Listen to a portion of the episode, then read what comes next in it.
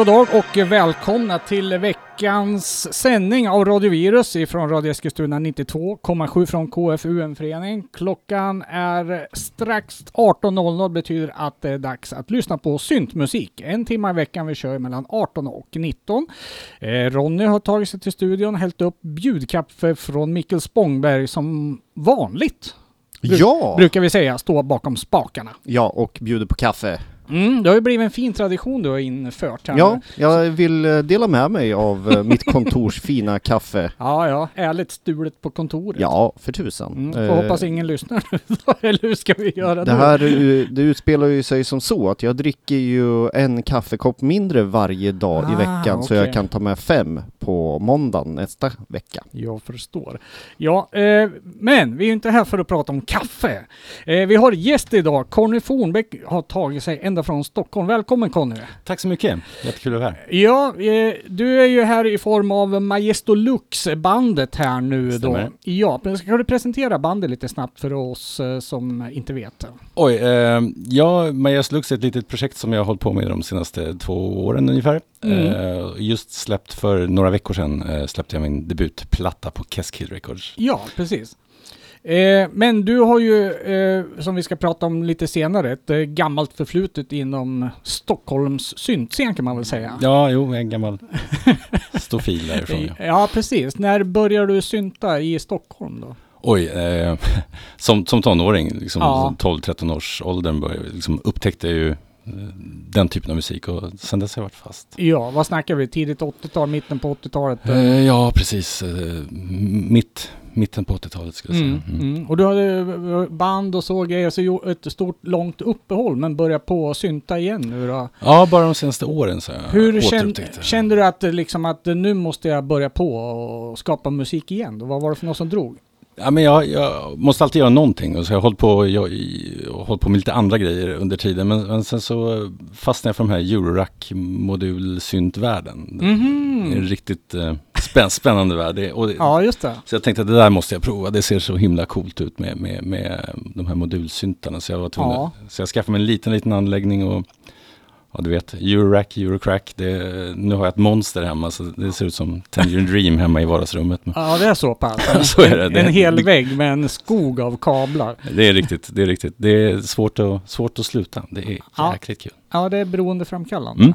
Så det var därför liksom, jag började joxa med det där. Liksom, Ja. och, och till slut måste man göra någonting av det också. Okej. Eh, hur- rent musikaliskt då? Men jag har ju fått för mig att eh, det här eh, modulsynt-skapandet är ju ganska styrt. Eh, alltså det är inte lika mycket hjärnan som styr utan det är mer syntarna som styr vart det ska Det- ta vägen. Det, då blir det bättre så, eller hur? Så Äh. slipper man tänka själv. Ja, är det så? Nej, nej det, det, det beror lite på hur man... Det, det är ju det som är fördelen skulle jag säga med modulsynt, att du kan ju bygga den synten precis så som du vill ha den. Och du kan göra den på... på eh, du kan göra olika typer av syntar med, Mm. med, sam, med samma moduler. Liksom. Så att eh, det kan man ju styra själv. Jag, jag låter nog sequencerna bestämma snarare än att det är generativ musik som, Ja, som okej. hittar på sig själv så att säga. Ja, ja, ja. Jag tänker på soundet där också lite grann. Men eh, okej, jag förstår det. Mm.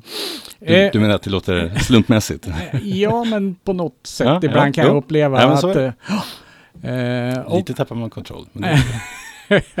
Ja, eh, vad, rent musikaliskt, vad skulle du placera dig på syntkartan då? Med, rent musikaliskt då? Det är alltid svårt att placera sig själv, men, Ja. men, men jag försöker väl göra någon sorts industri, tidig EBM-musik liksom, där någonstans. Mhm. Mm. Eh, Det är, det, det är dit jag siktar i alla fall. Liksom. Mm. Jag, jag är, gillar väldigt mycket gammalt, eh, tidigt 80-tal, England, Tyskland, Belgien Mm. sådär. Ja, just det. Ja, det är väl det, det jag är uppväxt på liksom, som, som jag försöker återskapa. Ja, just det. Det har format det en del Mm. där. Ehm, hur ser det ut då? Vad sa du? Två års projekt här nu då? Ja, kan man säga. Mm. Hur går det till att skapa en låt? Hur går det till? Ja, jag, jag är en sån här ljudnörd. Jag, jag kan ingenting om att eh, producera eller skriva låtar. Liksom, eller kan eh, skriva Mm. melodier eller så. Det, det hörs ju, det är inga melodier i mina, min musik alls. Utan Ah, okej. Jag sitter ju, sitter ju framför maskinerna och, och, och misshandlar dem tills, tills någonting låter bra helt enkelt. Och, och, Mm. och så bygger jag vidare på det. Så jag går sällan in med en idé eller så, utan det är bara... Mm. Eh, ja, det, Ja men då det är vi där lite, jag tog eh, lite. Ja, ja, men då blir lite random, det sy-. Syntarna tar uh, dig vart du ska Det är riktigt, det, Ja. de, maskinerna bestämmer. Så är det. Mm, precis. Eh, kör, jobbar du med klaviatur också eller? det- det är en princip att jag inte gör faktiskt. det, jag har förstått att det finns två skolor inom det där. Att, ja, eh, de här riktiga puristerna från eh, tidigt 50-60-tal, de tyckte det vart eh, sellout när Ja, det. keyboarden det är kom det en gång värsta i som har hänt, liksom, Ja. att man satte ett keyboard på en. Nej, det är väl inte en pr- princip på det sättet. Det är väl mer att jag inte behärskar ett keyboard helt enkelt. Utan, Mm. utan jag tycker det är roligare att skruva på maskinerna helt enkelt. Ja, precis. Eh, hur skiljer sig det här mot att musicera tidigare? Då? Ja, men tidigare, det var ju så himla länge sedan jag höll på med musik tidigare. Men, men Mm. då satt vi med samplers och då satt vi med klaviatur såklart. Mm. Och det, det var extremt samplingbaserat. Okej. Och nu är det ju helt analogt istället. Det, det, det finns lite, sam- jag har en fin fin samplingmodul också i, mitt, eh, Mm, mm. i min vägg. Men, men i princip så är det mesta, allt annat är analogt. Mm. Så det är en ganska annorlunda process. Ja, jag förstår. Spelar du in i liksom i en one take och så blir det två mas, en höger vänster spår eller produceras det här i efterhand på något sätt? På Eh, olika kanaler? Det, det är en one take, allting Mm. är one take, men på åtta kanaler. Okej. Så jag, jag, jag har flera utgångar ur modulen och så, så jag kan eh, spela in dem parallellt. Så att jag har som åtta spår helt enkelt som jag sen kan... Eh, det handlar mest om, efterarbete handlar om att ta bort grejer. Det, det är oftast en stor fet ljudmatta och sen så handlar, det jag gör i datorn sen efteråt är att sitta och skära bort där det blir för mycket helt enkelt. Aha, för okej. att mejsla fram någon sorts eh, struktur i A- datorn. Arrangemang, alltså? Korrekt. Aha, okej. Så det är liksom före och efterarbete? då? Mm. Ah, Mm. Det är två helt olika faser. Ja, det förstår Riktigt jag. kul båda två Mm. på sitt sätt. Mm, Okej. Eh, hur kom du i kontakt med, ehm, eh, vad heter det, Keskill, skivbolaget? Eh, det var Mika Hallbäck därifrån. Han, han hade ju startat Keskill och hörde av sig till mig för han hade på rekommendation från Börft Sverre, tror jag det var. Ja, okej. Mm. Eh, för han hade idéer om att ge ut uh, någonting gammalt. Eh, som, som du sa så har jag varit med i en del Mm, band mm. på 80-talet och han tänkte att det kanske fanns någonting där som han, han Ah, kunde ge okej. ut. Ja, just det. Mika alltså. Mika, ja, ja just precis. det. Han fiskar efter lite gamla grejer Exakt. också. Ja. Så jag skickade ner lite grejer och fick ingen respons alls. Han var inte det minsta intresserad av det han fick av mig. Men, tänkte, men jag har ju hållit på och joxat här med, med lite Mm. nya grejer. Så jag skickade lite sånt och där fick jag lite mer respons. Och sen har jag terroriserat Mika sen i ett års tid ungefär. Tills, Mm. tills han till slut gav med sig och tyckte att men det här kanske går att göra någonting med i alla fall. Okej då. Okej då, ja precis. Du, vi ska lyssna på en låt här nu som heter Catch and Kill. Just. Be- Berätta lite om den då. Hur, eh, hur har... eh, Hur, hur går den så att säga? Hur går den? Hur tänker du? Ja, men vad är det för något som spelar och hur är tankarna bakom den? Just det. Ja, det här är ju en... Eh, här är, nu, nu motsäger jag mig själv direkt, för det här är den enda låten som jag faktiskt använder klaviatur på. Ja, oj då. Ja, Men det är ett så här eh, touch-keyboard, så det är inte riktiga tangenter åtminstone. Det, det är Mm. en modul med det liksom skapar kontakt med, eh, med fingrarna. Så att Mm, det, så att det blir. mm. Eh, ja, vad ska man säga? Det är en eh, ganska tung basgång. Och sen, Mm. jag vet inte, bygger upp någon sorts stämning som, jag vet inte, själv, själv hamnar jag i daffland när jag tänker på det. Andra, Okej, mm. andra tänker annorlunda, men ja, vi får väl lyssna för att se vad, vad man tycker.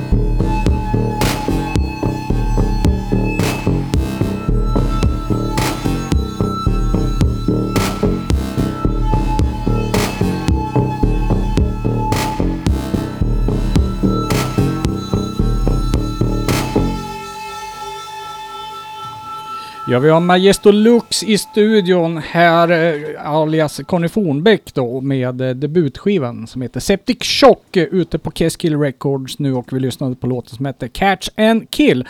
Eh, du, en del låtar är instrumentala, en del med sång. Eh, ja, hur har du tänkt där? Och egentligen så gjorde jag nog det mesta instrumentalt från början. Mm. Eh, Eftersom jag är absolut inte någon sångare eller, eller så. Men, men det blir ganska ointressant väldigt fort. Ah, Så jag kände att nej, men jag måste krydda det här på något sätt. Ja. Eh, Så därför kryddade jag med. Har, jag gett mig på på några spår har jag försökt sjunga lite. Ja, precis. Ja, men jag tycker det tillför ju ett eh, visst... eh, Det blir intressantare så, eller? Ja, ja, jag är lite sådär Mm. också. Att, eh, är det inte någon röst med så då känns det som att det är någonting som saknas. Ja, eller så ska det vara extremt duktiga musiker och, och där är ja. inte jag. Ja, ja, precis det. Eh, Majestolux, var har du hittat namnet? Eh, är det latin eller vad är det för något? nej, förlåt. Jag ska, nej, det är det verkligen inte. Eh, det är ett sorts skämtnamn. eh, eh, nu måste jag svara något bra. Jag borde ha, det här, den här frågan borde jag ha haft ett bra svar på. Ja, ja, För ja. det här är den frågan jag kommer få. Eh, mest att det låter pampigt. Eh, Jag tycker Ah, okej. att det mest är ett, ett kul, nästan överdådigt, nästan komiskt eh, Mm. namn. Liksom. Så därifrån kommer Majestolux. Mm. Du har ju alltså i ditt uppehåll i att göra musik skapat annan typ av konst. Eller vad ska vi kalla det för? Ja, an, an, annan typ av kreativitet i alla fall. Ja, Inte- precis. ja. Du har fotograferat en hel Just del. det, det stämmer. Ehm, vad... Alltså det är olika uttrycksformer men det är ändå olika sätt att skapa. Va? Mm. Vad är det för något som brinner i det som känner att du måste skapa?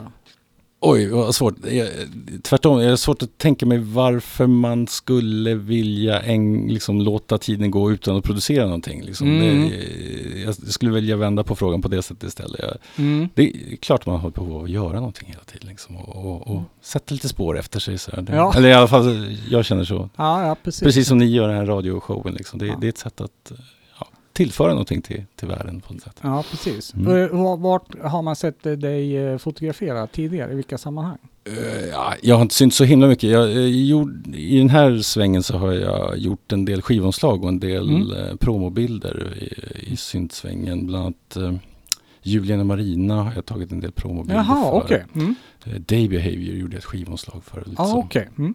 så jag har också gjort en, en fotobok. Men det, det, ja, det finns en viss koppling till, till genren och möjligen att det är många av modellerna i den boken som, som kommer från den här Ja, ja. subkulturen. Liksom. Greens Restaurant, skivomslaget har Just jag det. ja, för mig också. Som var li- lite speciellt så. Ja, det är lite speciellt. Det, Ja. det, det är sant. Det, är, det, var, det var en sån här skön...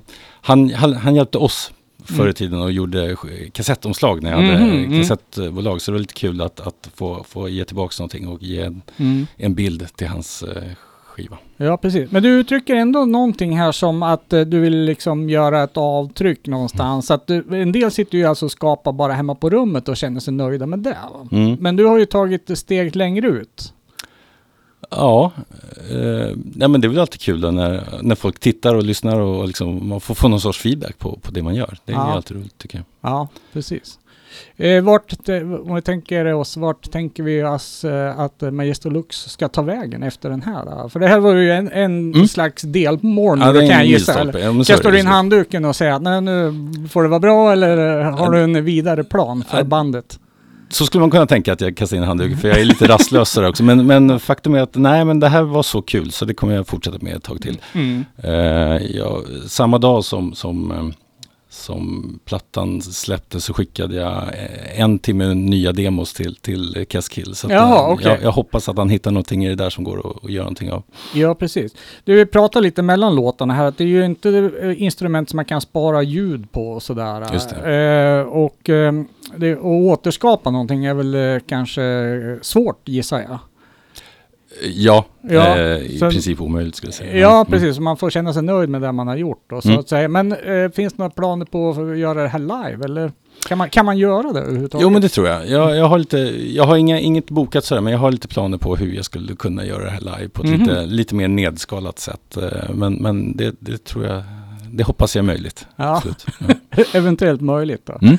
Hörru du, vi ska ta, nu har vi pratat lite om Majestolux Mm. här. Nu, jag är ju jättenyfiken då på tidig svensk synt. Ja. Och där var ju du faktiskt en del av scenen. Dels eh, eh, som klubbarrangör, Just det, eh, dels att eh, driva kassettlabel just det, och dels eget band. Då. just det. Mm. Men vi börjar med eh, Sound Manufacturers då. Just det. Och eh, jag kan ju säga Sound Manufacturers och kassetten Music from the Frontier var ju en av mina första möten med den svenska do-it-yourself-scenen kan man, kanske man kan säga. Mm, va? Eh, jag, alltså jag vet inte vad jag ska fråga. Berätta någonting om det där. Kan, kan inte du hjälpa mig istället? Ja. Visst hade vi en låt med på, på Frontier-kassetten? Ja, jag, jag minns inte vad Du den minns inte heller, Nej, inte jag heller. Väldigt rytmiskt, mycket percussion, Ja, jo, men instrument var och, och den var ju väldigt mycket från att vi, vi vårat gäng hade varit ganska syntpoppiga Ja. i en övergångsperiod då när vi började på att lyssna på Nitzere, Skinny Puppy Mm. från 242 då. Så helt plötsligt så dyker det upp svenska band som skapar en liknande musik då. Ja, men då, jag kan dra storyn hur... Ja. Det var jag och Fredrik Almqvist som, som var Sound Manufacturers. Mm. Och vi lyssnade just på, på syntpop Mm. eh, och, och syntmusik. Liksom. Vi, vi träffades därför att vi bytte så här live bootlegs Åh. med väldigt mycket kraftverk. Gjorde en sån kassettlistor och skickade runt. Ja, ja. till- ja. Nej. hette eran lista någonting speciellt eller? Nej, det tror jag inte. För många hade ju namn Jo, på men det kan listor. det nog ha gjort. Ja. Fast det, har, det är inte kvar. Den cellen är inte kvar i hjärnan jag. Nej, okej. ja. Eh, men, men så träffades vi, så vi Mm. bytte väldigt mycket live-tapes och så. Och sen så tipsade Fredrik mig om att han hade hittat ett band som heter Skinny Puppy. De hade just Mm. släppt Bites var det va? Mm. andra plattan. ja, just det. Och de kom till Stockholm och skulle spela. Och, och Okej. vi lyckades nästla oss in där. Vi, Ja. vi var 15 år men lyckades ändå ta oss in Det var där. lite för unga. Ja. Lite för unga. Och jo, apropå, eh, apropå den här bootleg-grejen. Min grej var att jag måste ju få spela in de här Skinny Puppy live. Ja, okej. Mm. Men jag hade inga, inga tools. Eh, så jag lånade mammas eh, köksradio och lyckades smuggla in den också under jackan så här på, på PK-huset. Det- Ja, ja. Ja, det var, det var någon syn. Ja. Jag, jag har svårt att tänka mig att vak- vakterna inte såg det, men, men de lät det passera. Ja, ja, precis. Hur som helst, när vi var och såg det var en fantastisk spelning med Skinny Puppy, men förband var Agrom. Ja, okej. Mm. Och de hade vi aldrig hört förut. Nej. Men, men det var liksom signalen att nej, men vi måste gå hem och bilda ett band. Vi måste göra någonting i den här stilen. För det, Aha, var, okej. det, verkade, det var mer liksom eh, görbart än vad Skinny Puppy var tyckte vi Ja, då. just liksom. det. Mm. Så vi sprang hem och köpte en sån här Casio RZX, äh, RZ1 heter den? Mm. Trummaskin med fyra samplingknappar på där. Okej, ja, ja, eh, ja. Och började göra låtar helt enkelt. Mm. Mm. Eh, det här resulterar i någon demokassett eh, har jag Mm. för mig. Jag har den tyvärr inte Nej. själv. Eh, men eh, lite samlingskassetter och grejer också då. Ja, var precis. det några fler förutom eh, Music from the Frontier? Eh, ja, vi var nog med på några samlings... de- Dels eh, eftersom vi själva eh, körde label så, så Mm. såklart så, så var vi med på våra egna. Vi var med på något som Thomas Westberg hade som heter Corrector också. En, Ja, just det. Mm. Mm. Men det är väl det egentligen. Och sen så var det en, en, en egen kassett som heter Mm. Inside Unchained Mind. Hur såg EBM-scenen ut i Stockholm vid den här tidpunkten? Var den mogen för musiken eller var det fortfarande liksom de här New Romantic-människorna som... eh, Ja, det fanns ju inga andra band som vi kände till i alla fall. Nej. Och in, inte som jag vet efteråt heller egentligen. Vi var eh, tidiga på det sättet, åtminstone i Stockholm. Mm. Eh, men, men, men publiken fanns där. Det, Mm. det, vi, vi spelade live ett par gånger och, och fyllde faktiskt eh, och sålde ut. Det var liksom eh, jo, det fanns nog ganska stor efterfrågan på den musiken. Ja, okej. Eh, det Mm. gjorde det. det. Mm. Gjorde det. Folk förstod. Även, Mm. även eh, New Romantic-gänget fattade vad som hände. Ja, ja. Du letade skrapa fram en här. Det var inte bara sa du att hitta de här gamla Nej, det var inte så lätt. Jag har inte, jag har inte haft tillgång till de här på 20 år. Men, men eh, en kompis har digitaliserat eh, gamla tapes. Ja, Så jag tog med mig en låt som, där det just är den här RZ1 där vi ger den vad den tål, tycker jag. Ja. Den heter Machine Gun.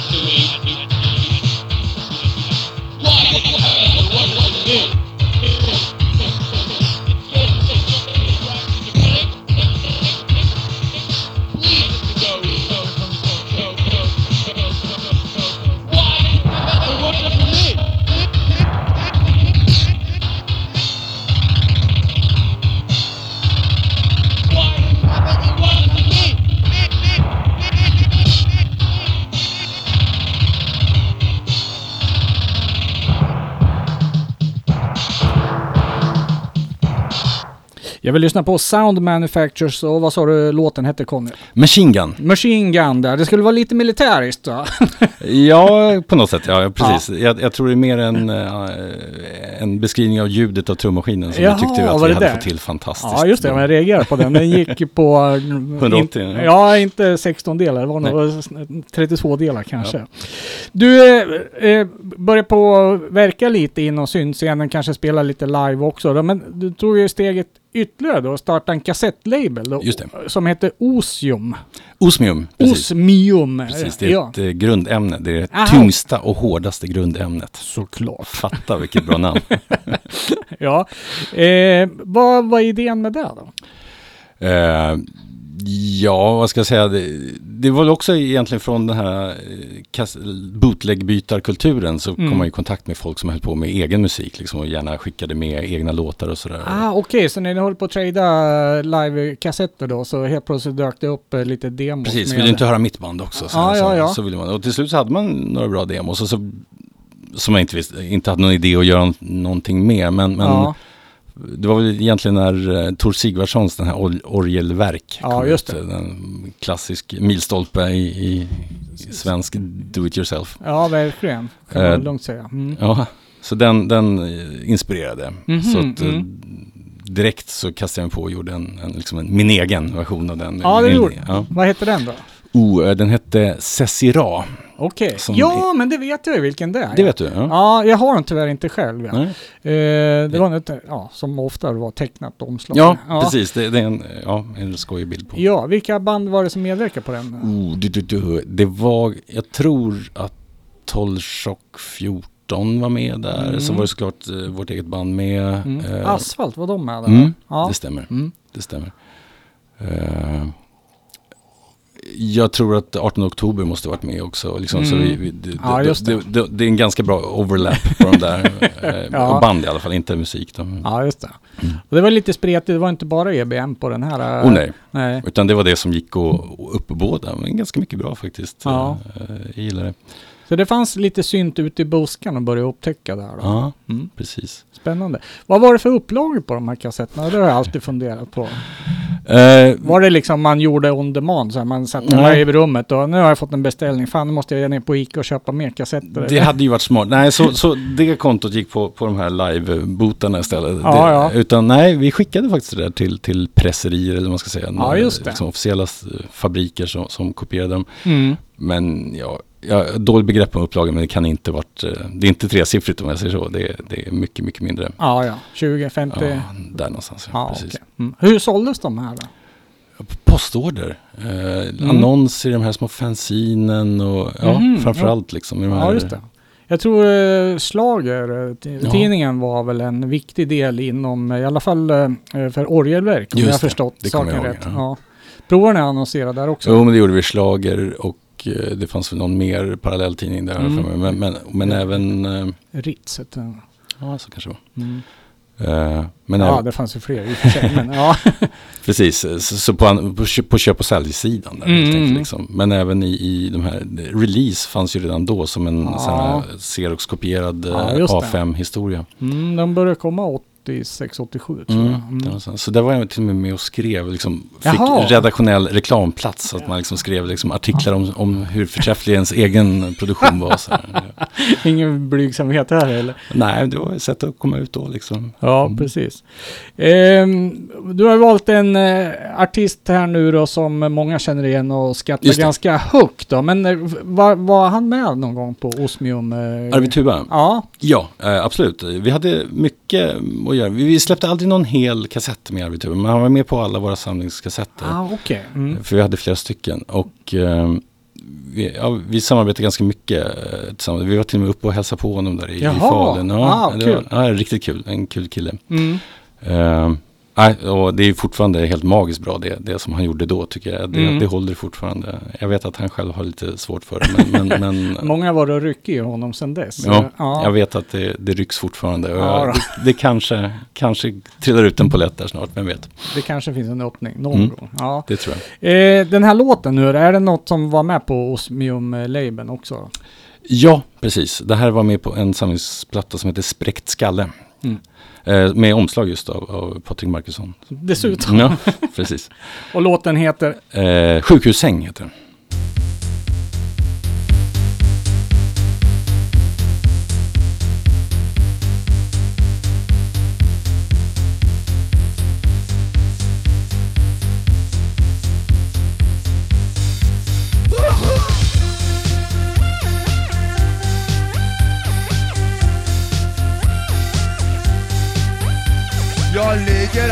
På golvet.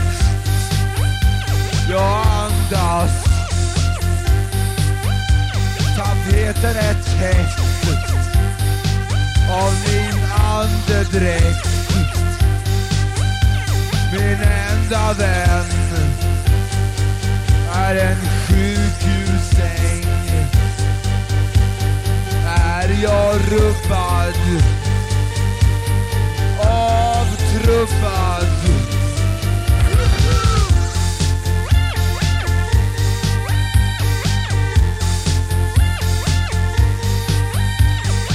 Bry inte om min vänskapskrets För nu ska jag och min säng Vi ska ha en liten fest Min enda vän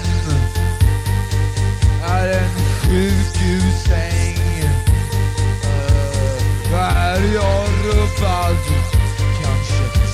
kanske avtrubbad.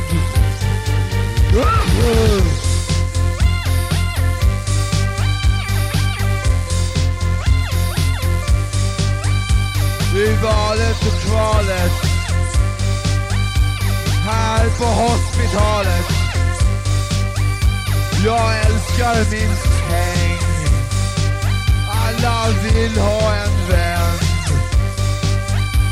vän Min enda vän är en sjukhussäng Är jag rubbad? Avtrubbad, avtrubbad Enda vän en sjukhussäng Åh, Min enda vän är en sjukhussäng Min enda vän är en sjukhussäng Min enda vän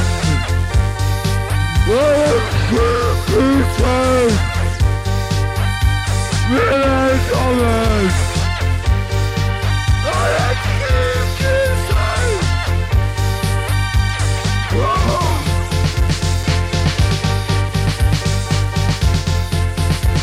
Här på hospitalet, här på hospitalet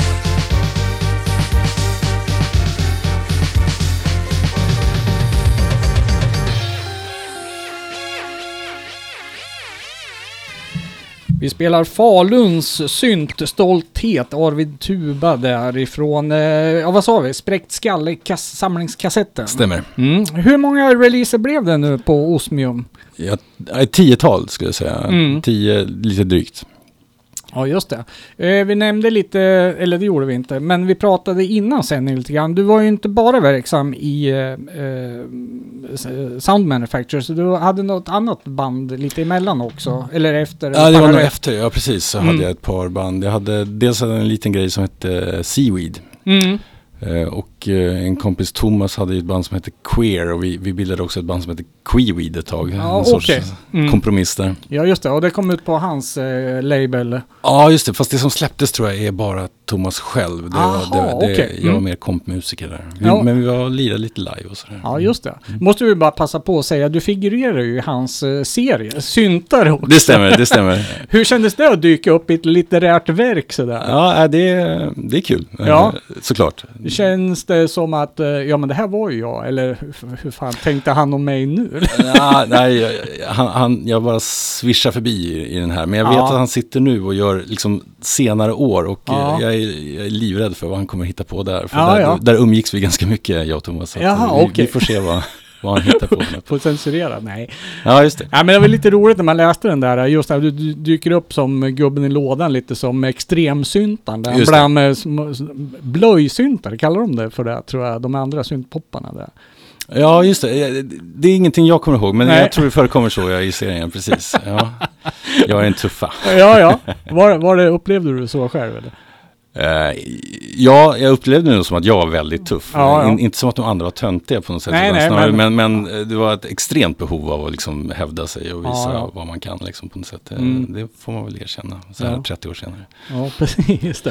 Eh, det finns ju en jätterolig historia runt Osmiums en release. eh, eh, som du blev kontaktad många, många år senare nu då. just det.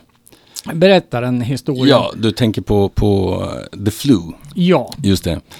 Ja, eh, vi kan börja från början då. Ja. Det, det, det, det var ju så att vi, vi, vi i Osman ville ju släppa någonting stort. Så säga. Ja. Vi letade ju med ljus och lykta efter grejer. Och, och, så vi skrev ett brev till Skinny Puppy och tänkte, vill inte ni släppa något, något hos oss? Ja. Helt galen hybris och en eh, shot in the dark. Men, men, ja. Det kan man väl lugnt säga. Och det här var pre-internet såklart. Så vi, det var ett brev vi skrev. Ja. Och sen eh, några månader senare så damp det ner en demokassett. Eller snarare en masterkassett. En Mm. masterfärdig färdig kassett med ett original där de sa snälla ge ut det här. Det här är vårt sidoprojekt som heter The Flu. Okej. Och vi var inte jätteimpade av, av musiken om jag ska vara riktigt ärlig. Men, men, men, men det var ju Skinny Puppy. Ja, ja. Så vi, Var det alla medlemmarna eller var det något soloprojekt eller sidoprojekt? det är ett sidoprojekt. Det Ja. är väl Kevin Key och eh, två killar till då som inte är med i Skinny Puppy. Mm, Okej. Eh, nej, jag vågar inte säga några namn. De, Nej, de, nej, ja. Och han går inte under eget namn på kassetten heller, men jag vet Nej. att det är han. Ja, okej. Mm. Eh, så vi släppte den då. Vi ville göra en stor grandios eh, release på något sätt, men Mm. vi hade ju inga som helst medel. Och, Nej. så, vi, Nej. så vi löste det genom att släppa den i, en- i en liten kartong. Det var som en eh, pizzakartong ungefär, fast i skala 2-1, eller 1-2 Mhm. snarare. En ha- Mm. halv, eh, halv pizzakartong. Ja. Och sen för att, för att liksom eh, piffa upp det då så, så eh, Mikael Jansson som var den andra delen av Osmium, han, han hade eh, tillgång till en skrivare som kunde skriva i färg. Wow. Eller en kopiator som kunde skriva i färg. Och färg ja. betyder inte färgkopiator som du Nej. tänker nu, utan Nej, det betyder nej. att man kunde välja en färg som all, allt det där svarta skulle vara i. Okej. Eh, så vi valde ljusblå. Ja. Det fanns ljusblå och rosa tror jag man kunde välja på i princip. Det blir lite sån här gammal stencilapparat. eh, Exakt. Ja. Exakt. Så vi, vi printade liksom eh, omslaget på klistermärken och sen så klistrade vi fast de här om, Mm. omslagen på pizzakartongen så det såg väldigt stiligt ut. Det ser mest ut som någon, någon, någon blåvit produkt. Ja, ja, ja, okej. Alltså nu så är många, många år senare, då tänker man, ja, skinny puppy related grej då. Ja. Eh, när eh, blev det en eh, grej som uppmärksammades då? För jag gissar ju att det här var ju nytt för mig när jag Mm. hörde historien. Eh, som, ja, nu är inte jag någon sån här eh, expert på det då, men jag gissar att många har eh, missat den historien då så att säga. Ja, När började det på att bli en buzz av det här då? det är så här, vi sålde inte alls särskilt många ex av den där. Det, det var ju bara, i princip bara i Sverige. Vi skickade Ja. tillbaka den till, till eh, några ex till, till Skinny Puppy. De hävdar att de aldrig har fått några, jag vet inte om det Nej. är sant eller inte. Men Ja, okej. Mm. Men nej, det var för några år sedan så, så blev jag kontaktad av en kille, också en kanadensare, Mm. eh, vars namn jag inte känner till. Han är lite mystery man. Mhm, mm. Vem vet vem det kan vara. Men, Ja, men, men, okej. men han hävdar i alla fall att han är ett, ett stort fan, att han har köpt ett ex av, som vi gav ut på Ebay för helt sjuka belopp. Mhm, mm. Och vill absolut ge- återutge det här. Mm. Och, undrade, och han hade lyckats, efter flera års eh, forskning, lyckats tracka ner mig då för att okej. eh, jag borde kunna ha den. Och jag hade haft mastertapen i källarkontoret liksom i eh, 25 år. Ja. Fram tills två månader innan jag fick det där mejlet från honom. För då hade jag gett bort Gett bort den och en hel papppåse med massa skön memorabilia och kassetter Ja, ja. och alla de där kassetterna som du eh, önskar att du hade men du Ja, inte har. ja. Eh, men, men de fanns fortfarande, jag kunde få tag på, eller jag kunde få tag på han som hade, Mm. eh, hade den där just då och det var ehm, Jonas Fredriksson, eh, Alvar Jonas Fredriksson och Jaha, Laps. ah, ja, okej. Han Mm. hade den så att jag bad, bad kanadensaren kontakta honom och, och Jonas, eh, Jonas såg till att, eh, Mm. att den kom tillbaks. Så det kom ut det här till slut Det roliga var att han fick ge ut den och det roliga var, den, nu är det inte släppt i en pizzakartong utan den är släppt i en gatefold vinyl. Ja. Det är en dubbelvinyl. Eh, men omslaget ser precis ut som, som Jaha. de här klistermärkeshistorierna som vi gjorde. så, Ah, så att de har gjort en riktigt snygg återutgivning. Den är inte vacker men det det är en eh, verklighetstrogen Ja. återutgivning om man säger, så. Ja, just det. Eh, är det något som du hade förberett vi skulle lyssna på? Ja, jag, jo, tänk, det var jag, så. jag tänkte så här att Ja, ja. jag vill inte spela The Flu för det är inte så, det är inte så underhållande. Utan jag skulle vilja spela, Okej. ja. eh, eftersom vi pratar om det här så, och vi Mm. har redan varit inne på, på Grens restaurang och så. Ja, just det. Och, och ha, vi gav ut mycket av honom, inte bara musik, även en diktsamling eh, som hette Återkomsten till det för, förfallna orangeriet. Heter den. Mhm. Och som sagt, han hjälpte till med omslag och så. Och du Mm. var inne på det där att jag hjälpte honom sen. Så jag tänkte spela en låt därifrån. Jag tycker Mm. mm. Gränsrestaurang är lite för bortglömd. Det är alldeles för bra för att glömmas bort. Ja, just det. Så Vilse i hennes blygdskog har vi med oss.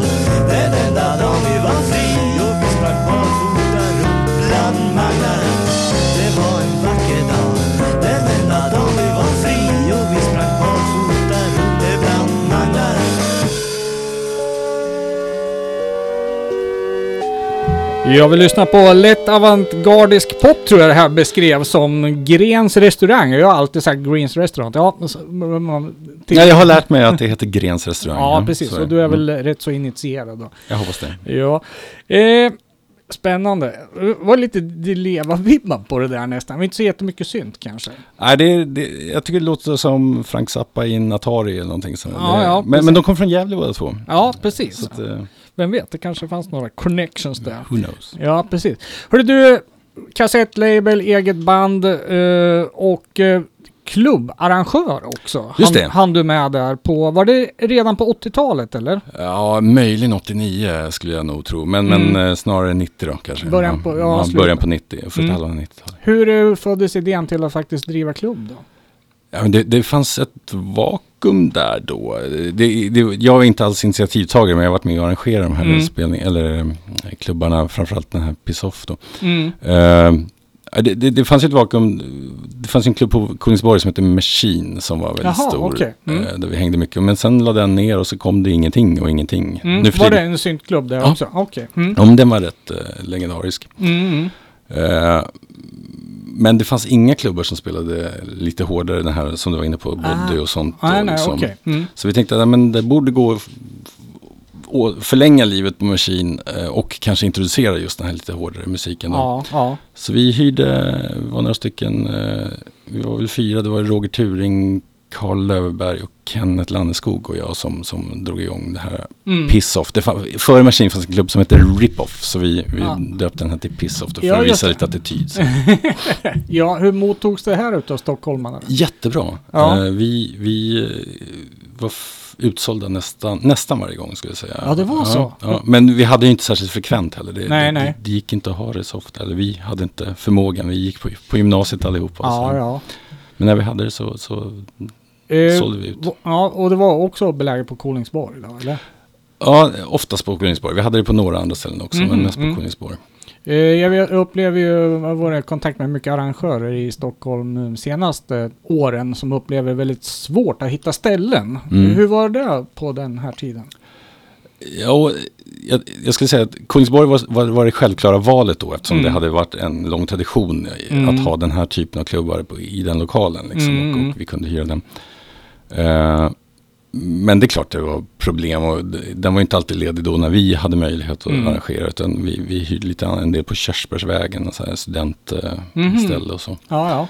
Eh, det är väl alltid ett problem så, Ja. såklart. Liksom. Men, men det var, det, var det förknippat bara med här kommer en, en kreti och pleti vill hyra eller var det något som du upplevde som var förknippat med genren? Ja, vi hade nog lite problem med det. Jag Mm. vet att framförallt när vi var på såna bidragsunderstödda saker som vi var på um, Fryshuset Mm. och skulle arrangera någonting och de var väldigt tveksamma och ville kontrollera vad det var för någonting vi skulle Ja. göra och kolla att det inte fanns några eh, obehagliga politiska kopplingar Mm. och sådär. Mm. Men vi lyckades övertyga dem att det var, Ja. det var grönt. Liksom. Ja, ja precis. Ja. Mm. Eh, jo, jag vet, jag minns jag var på något gig och pratade med någon eh, arrangör i Stockholm på Tre backar, Mm. eller något ner i någon källare. Eh, och han skulle, och, ja, han skulle hyra PA då, men då klädde han om.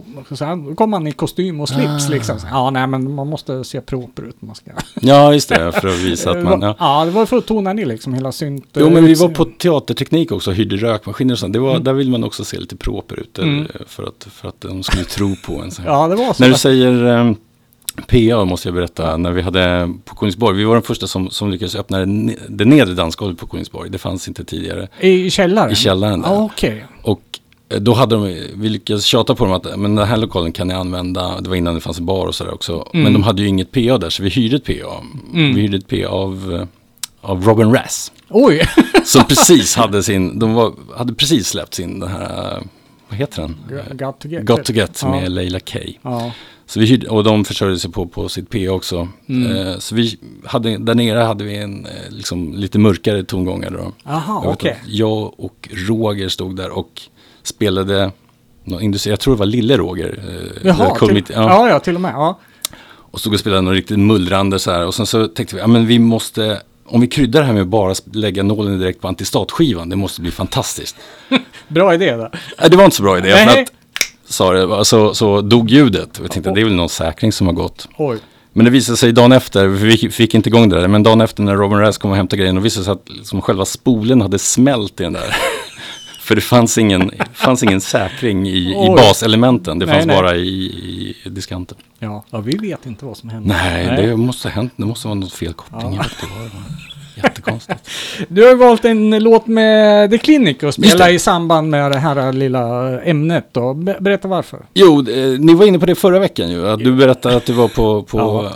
Clinic och Delusi Smiles. Ja, precis. det, var, det var en av de spelningarna vi arrangerade. Det, Det var, måste ni ha gått back på. det var en hemsk upplevelse på alla sätt och vis. Ja, det var så. inte så många där. Bandet var väldigt sura. Dels på, på Ja. att det inte var några där, men Ja. också på allt annat runt omkring. De gillade inte maten vi serverade.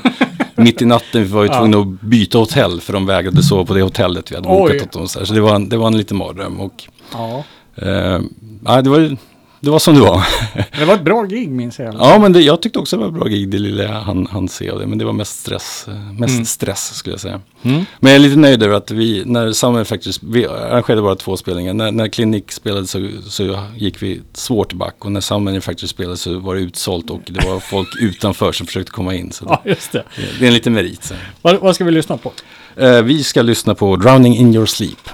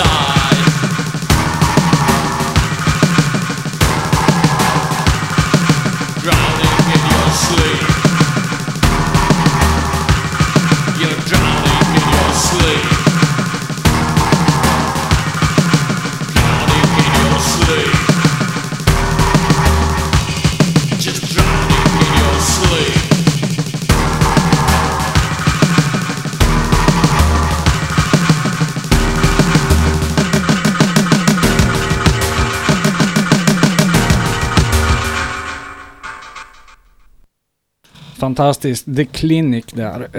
Eh, hur eh, kom ni i kontakt med dem och tog dem till Stockholm? Oh, eh, bra fråga. Jag, det måste ha varit eh, just genom de här Interzone, ett skivbolag Ja, eh, och en skivaffär som Mm. fanns i Göteborg på den tiden. Som Det var de också som släppte The Lucy Smiles, precis. Ja. Mm. Och jag, hur de fick kontakt med Klinik vet jag faktiskt inte, men, Mm. men vi hade ganska mycket kontakt så att Ja, okej. På den vägen var det. Du, vi fick en eh, eh, fråga om eh, musikaliska förebilder. Du var ju varit lite inne på det, du nämnde DAF, eh, industri och lite grejer. Mm. Men har du lust att utveckla det lite grann? Eh, ja, det är väl den gamla vanliga rosten, men en stor viktig influens för mig är Severed Heads. Ja, de, de lyssnar jag väldigt mycket på. Jättespännande att du säger det, för jag har ju aldrig fattat dem. Nej, det är många som säger så. Det är många som inte fattar. Och framförallt om man kommer för sent, för då lyssnar man på de här konstiga house-grejerna som inte riktigt flyger. Mhm. Vilka skivor ska man lyssna på? Eh, egentligen de första tre, fyra plattorna, Mm. City Slab Horror och um, vad heter den här magiska, Clifford Darling. Okej. Mm. Please don't live in the past, tror jag den heter. Ja. Eh, men det är en så fantastisk blandning av eh, industri. Var, han var ju kompis, Tom Mellard och gängen hängde ju med SBK på den tiden. Mm. Men också helt vansinniga, väldigt mycket vansinne på ett bra sätt, på ett komiskt sätt, utan att bli fånigt liksom. Och sen så är det vackra popmelodier på det där. Jag tycker det är en Mhm, magisk mm. blandning, det gillar jag verkligen. Ja, just det, för det är inte så mörkt, men det är ganska Nej. experimentellt då. Ja, det får man säga. Det får man Mm. säga. Mm. Ja, jag har Det inte riktigt fastnat för Men de är på väg till Stockholm också. Just va? det, precis. De spelar ju här i slutet på maj, 29 maj tror jag, i, någonstans i Slakthusområdet. eh, Mm. Industrisemester kallas det, evenemanget. Det, just är det. lite roligt. Ja. Med, med Celldöd, Anders Karlsson som Ja. DJ bland annat. Mm. Precis, och du, du DJ är ju själv här för Mm. en kort tid sedan. Eh, Just Vad, vad spelar du då till exempel? Eh, bra fråga. Det, är- det, det är mycket sånt såklart. Det är mycket Ja. ti- tidig, tidig geografi, den, den Ja. ja. klinik och så.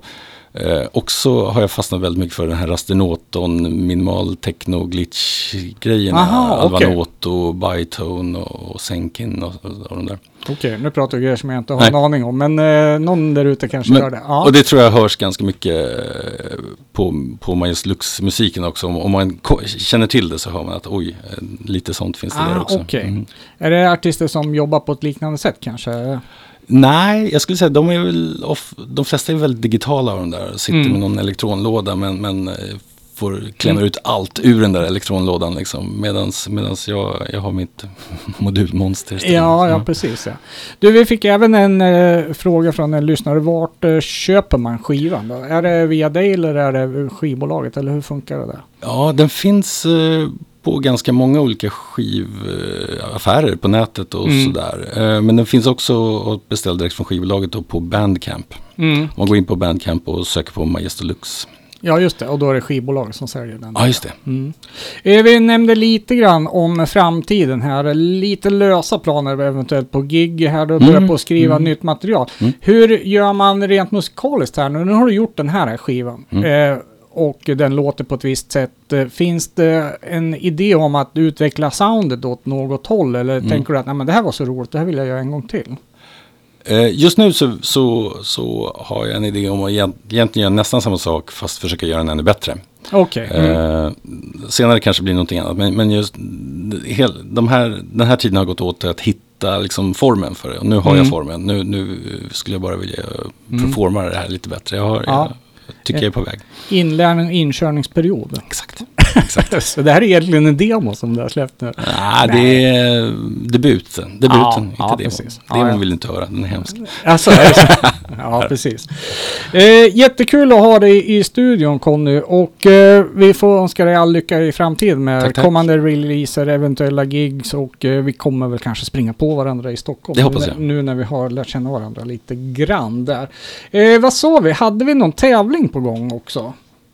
Det tycker jag att vi har. Vi kör väl en spontan tävling så att eh, ja, den som skriver en eh, låt vi har spelat tidigare i programmet är med i en liten lätt utlottning av ett styck exemplar av skivan kan jag väl säga. Så att ni får nämna någon låt som vi har spelat tidigare i programmet Mm. i kommentarerna på sändningen så låter vi ut någon av till, till någon lycklig lyssnare där ute i livesändningen. Mm, tycker jag. Eh, vi ska avsluta med en låt nu då som heter så mycket Seas and Desist. Nej, jag tänkte Nej. att vi skulle spela Ghostnet. Okej, eh, berätta om eh, låten. Eh, Ghostnet, eh, en lite mer upptempo, lite skrikigare låt än, än det mesta. Ja, det är sång här också. Det är sång här också. Mm. Eh, den, den, Bengt Ram har gjort en fantastisk video till den här som, som Ja, jag just det. rekommenderar. Okej. Mm. Ja, nej, det, jag låter musiken eh, tala för sig själv. Ja, och det blir allt från oss då på Radio Virus-redaktionen då som sänder från Radio Eskilstuna 92,7 från KFUM-förening. Och eh, vi låter Conny själv avsluta programmet och säger tack och hej från oss. Tack så mycket för att jag fick vara här och prata lite och eh, vi lyssnar på Majestic Lux med Ghostnet. Tack och hej.